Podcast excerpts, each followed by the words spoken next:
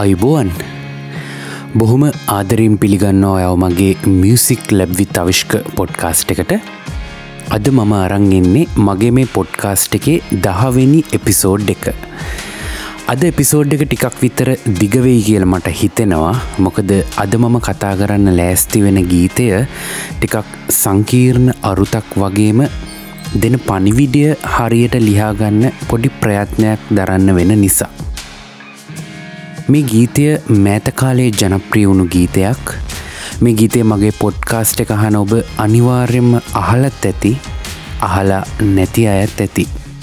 මේ ගීතයේ අනර්ග පදරචනයෙන් අපෙරටේ සංස්කෘතික ලේනහරයන් පුංචි රිදවීමකට ලක් කරනවා. මේ ගීතේ මට කතා කරන්න පුළුවන් මෙහි අර්ථය ගැන මෙහි ගායනය ගැන මෙහි සංගීතය හා තනුව ගැන.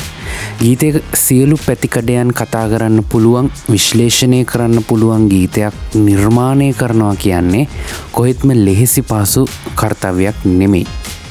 මේ වැඩේ කරන්න නම් මෙහි නිර්මාණකරුවන් ගීතයට බහින්නම ඕනේ. මේ වැඩේට සීයට සීය කවධානයක් නැතුව මේ රහ උපද්දවන්න බැහැ. දැන් ඔය බලනව ඇති මොකක්ද අද මම මේ කතා කරන ගීතය කියලා. මේ ගීතය රචනා වෙන්නේ ප්‍රවීණ කිවිවර ටිම්රාන් කීර්ති අතින් ගායනය තනුව හා සංගීතය සාදර බණ්ඩාරයන් අතින්. අද අපි කතා කරමු පොඩ්ඩියේ ගැන.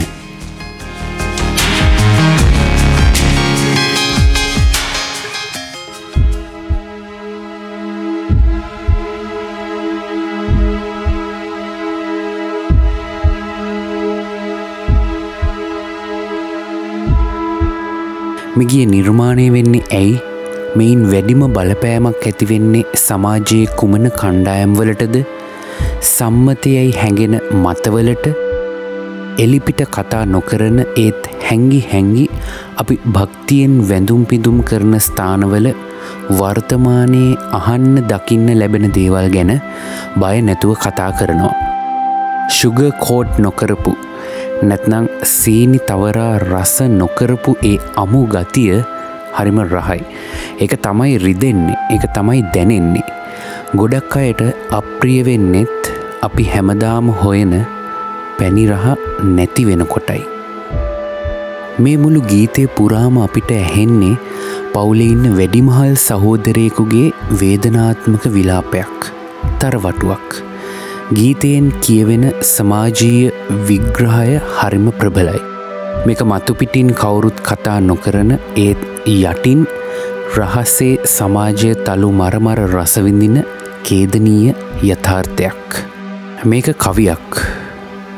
හැබැයි සාදර බණ්ඩාරයන් මේක ගීතයක් බවට පත් කරනවා. ගීතය පටන් ගන්නෙම පොඩ්ඩියේ යයි හරිම අවයගෙන් කෑගහන අයිය කෙනෙකුගේ හඬින්. අහන්නේ වේගෙන් වැටෙන හුස්ම පපුුව ගැහෙන හඬ. පොඩියේ!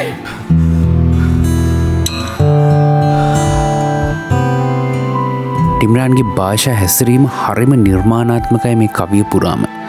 අවශ්‍ය තැනදි ලිකිත ශාස්ත්‍රීය සිංහලින් ලියන්නත් අවශ්‍ය තැනදි අර ව්‍යවහාරික මොඩර්න් සිංහලින් වචන හසුරන්නත් මේ කවිය පුරාහු පසුබට වෙන්නේ නැහැ.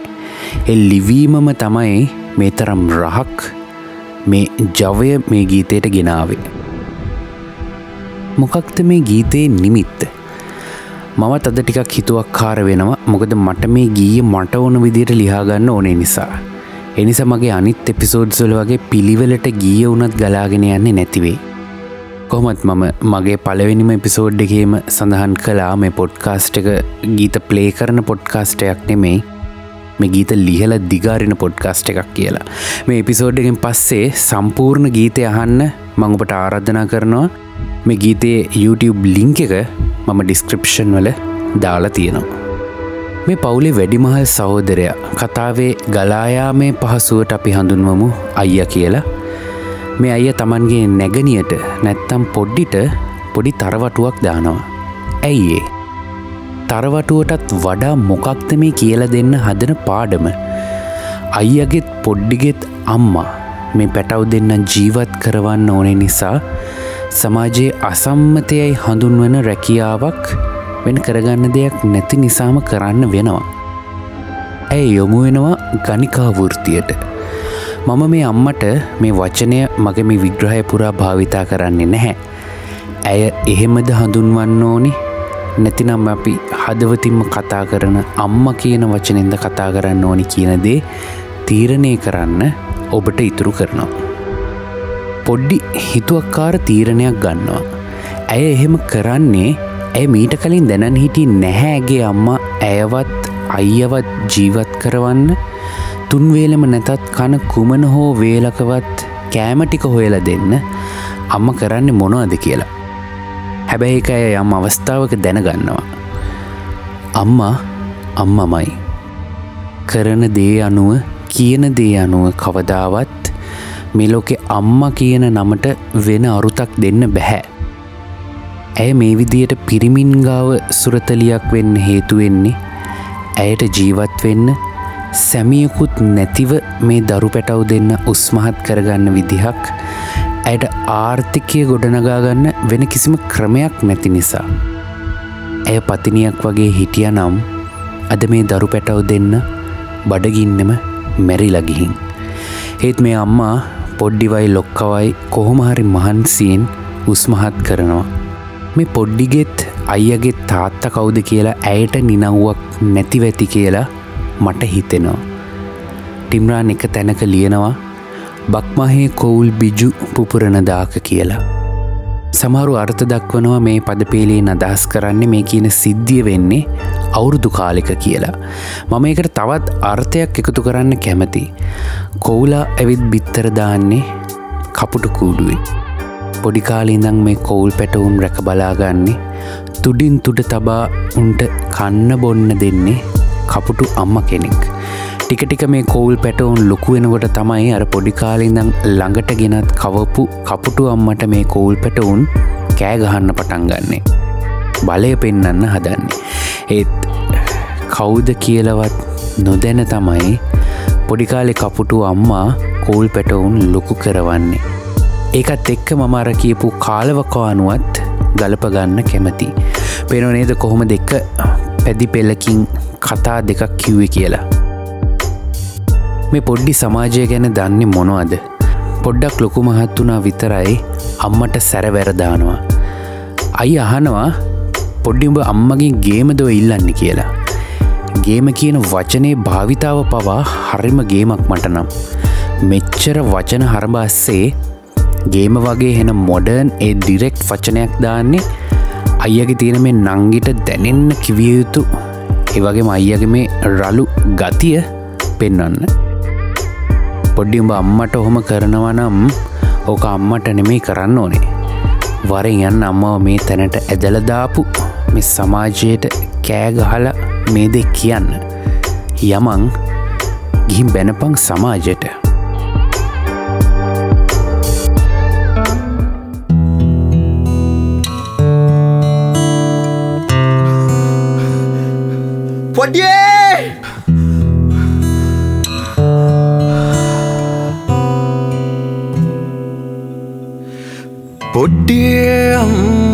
අම්මා අම්මාමයිතාම වැරදුනේ අපි නිසයි ඇවැරදිදකෝම. බක්මහෙකෝල් බිජු පුපුරනදාක නංගියේ අම්මාගෙන් උඹ ඉල්ලන වදගේම තනේ කඩා පිසේකර පත්තිනිවේනම් අනේ හාමතේ අපි මැරිලායනම් වනේ පාරන්නේ වනපද විසවීනම්. නගේ දැන්යාමන් මනිපුරගීනිතිය පං.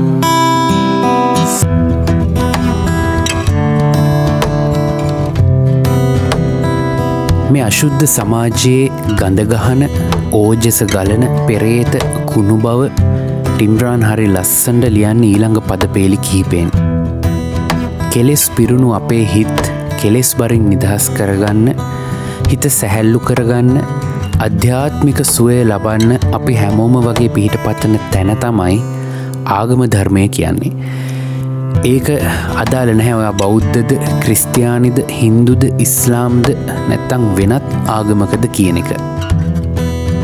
නමුත් පිහිට පතන තැනම අපායක් වෙනවා නම් අපි මොනතරම් අස්සරණ වෙනවද. ඒ අසරණ බව වචනවලින් කියන්න පුළුවන්ද. මෑයගෙන් අවශ්‍යතා සපුරගන්න පුද්ගලයින්ගේ නාමාවලිය එක් විශේෂ තැනක් හිමිවෙන්න මේ ගමේ පන්සලේ ලොකු හාමුදුරුවන්ට. ඔහුට දානය නැතිදාක දානය වෙන්නේ මෑ. එතකොට ඇය රන් කඳ. පන්සලේ බනමඩුවේ මේ අම්මට විටින් විට සිද්ධ වෙන පොළොව නූලන අපරාධයට පන්සලේ නොසෙල්වෙන පිළිමවල පවා ඇස් තෙත් වෙනවා. සමාජයේ තියෙන පහළම පන්තියේ ඉන්න මිනිසුන්ව සමාජය විසින්ම තලා පෙළල දාන්නේ හරිම හිත්පිත් නැති විදියට. ඉහළයයි සම්මත සමාජයට මේ පහළයයි සම්මත සමාජයේ ජීවත් වෙන අහිංසකයින් සෙල්ලම් බඩු. මේ අස්සරණයින්ව පාවිච්චි කරන්නේ පිරිමි පාර්ශ්වය විසින් විතරක් නෙමේ ගැහැනු පාර්ශවඇත් ඒ විදියට මේ අසරණයින්ව පාවිච්චි කරනවා. රත්තරංයයි තමන්ව හඳුන්වා ගන්නා ගැහැනුම් පවා මේ පල්ලෙහස්තරයේ ගැහැනුන් තලා පෙලා දමනවා.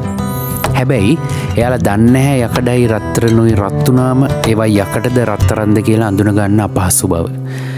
කාමයෙන් මත්තුණු පිරිමි අවශ්‍යතා ඉටු කරගන්න හොයනකොට මේ ලංවෙන්නේ රෝසමලකටද නැත්තං ඉටි මලකටද කියලා හිතන්නේ නැහැ. අඳුරු සිතිවිලිවලින් වැසුණු ඒ මනස සැබෑ මලකුයි කෘතිම මලකුයි අඳුනගන්නෙත් නැහැ.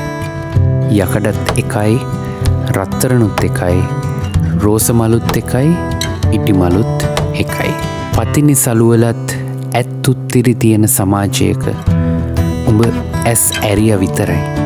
මේවා ගැන උඹ මොනවද පොඩ්ඩි දන්නේ කියලා මේ අයියා අහනවා.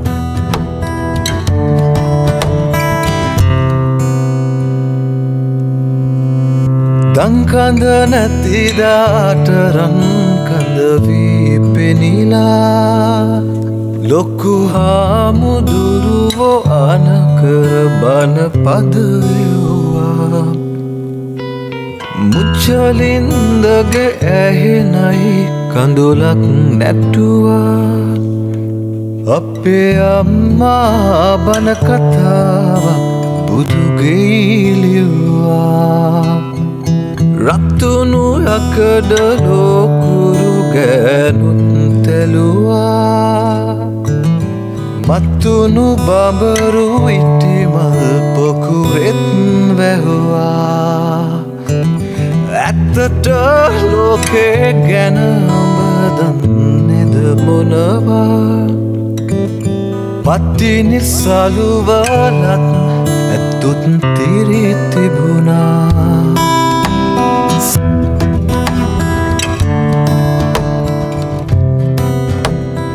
මේ අස්සරණ අම්මට ඇගේ ජීවිතයට කතා හදන අය බොහොමයි. ඒත් ඇය ජීවත් වෙන්න ඇගේ දරු පැට උස්මහත් කරන්න ඇය දරණ වීර්ය අපමනයි. මේක සමාජය දන්නවද. ඇය ගැන කයිකතන්දර හදන හැමෝම බෝසතුන්ද මේවා කන්න වැකුණු නංගි මේ පොඩ්ඩි ඇගේ අම්මට ආයිත් දනගහල වඳින්නේ නැහැ වඳින්න බැහැ කියලා හරි හිතුවක් කාරතීරණයක් ගන්නවා. මේක තමයි අයියගේ මේ කේන්තියට මේ ආවේගයට මේ උද්වේග කර ප්‍රකාශනයට පසුබිම් වන හේතුකාරණාව. අම්මගේ ජීවිතයත් ඇයට අත්තුණු ඉරණමත් ඊට හේතුත් කියල දුන්නු අයියා පොඩ්ඩිට කියනවා පොඩ්ඩි කතන්දර නැතුව වෙනද වැන්ද වගේ අදත් වැඳපං අම්මට කියලා. Hoşçakalın.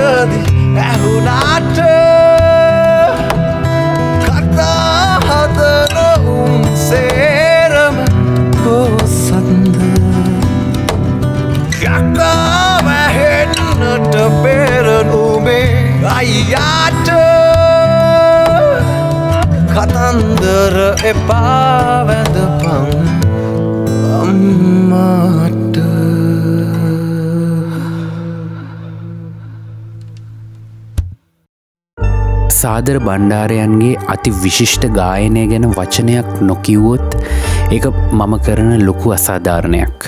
මුළු ගිය පුරාම වචනාර්ථයන්ට අනුව හඬේ උස්පහත් කිරීම් සියුම් ගායනයන් රලු ගායනයන් වගේ ගායන තාක්ෂණික උපක්‍රම ඔහු ඉතාම කල්පනාවෙන් හා සූක්ෂමව යොදාගෙන තියෙනවා.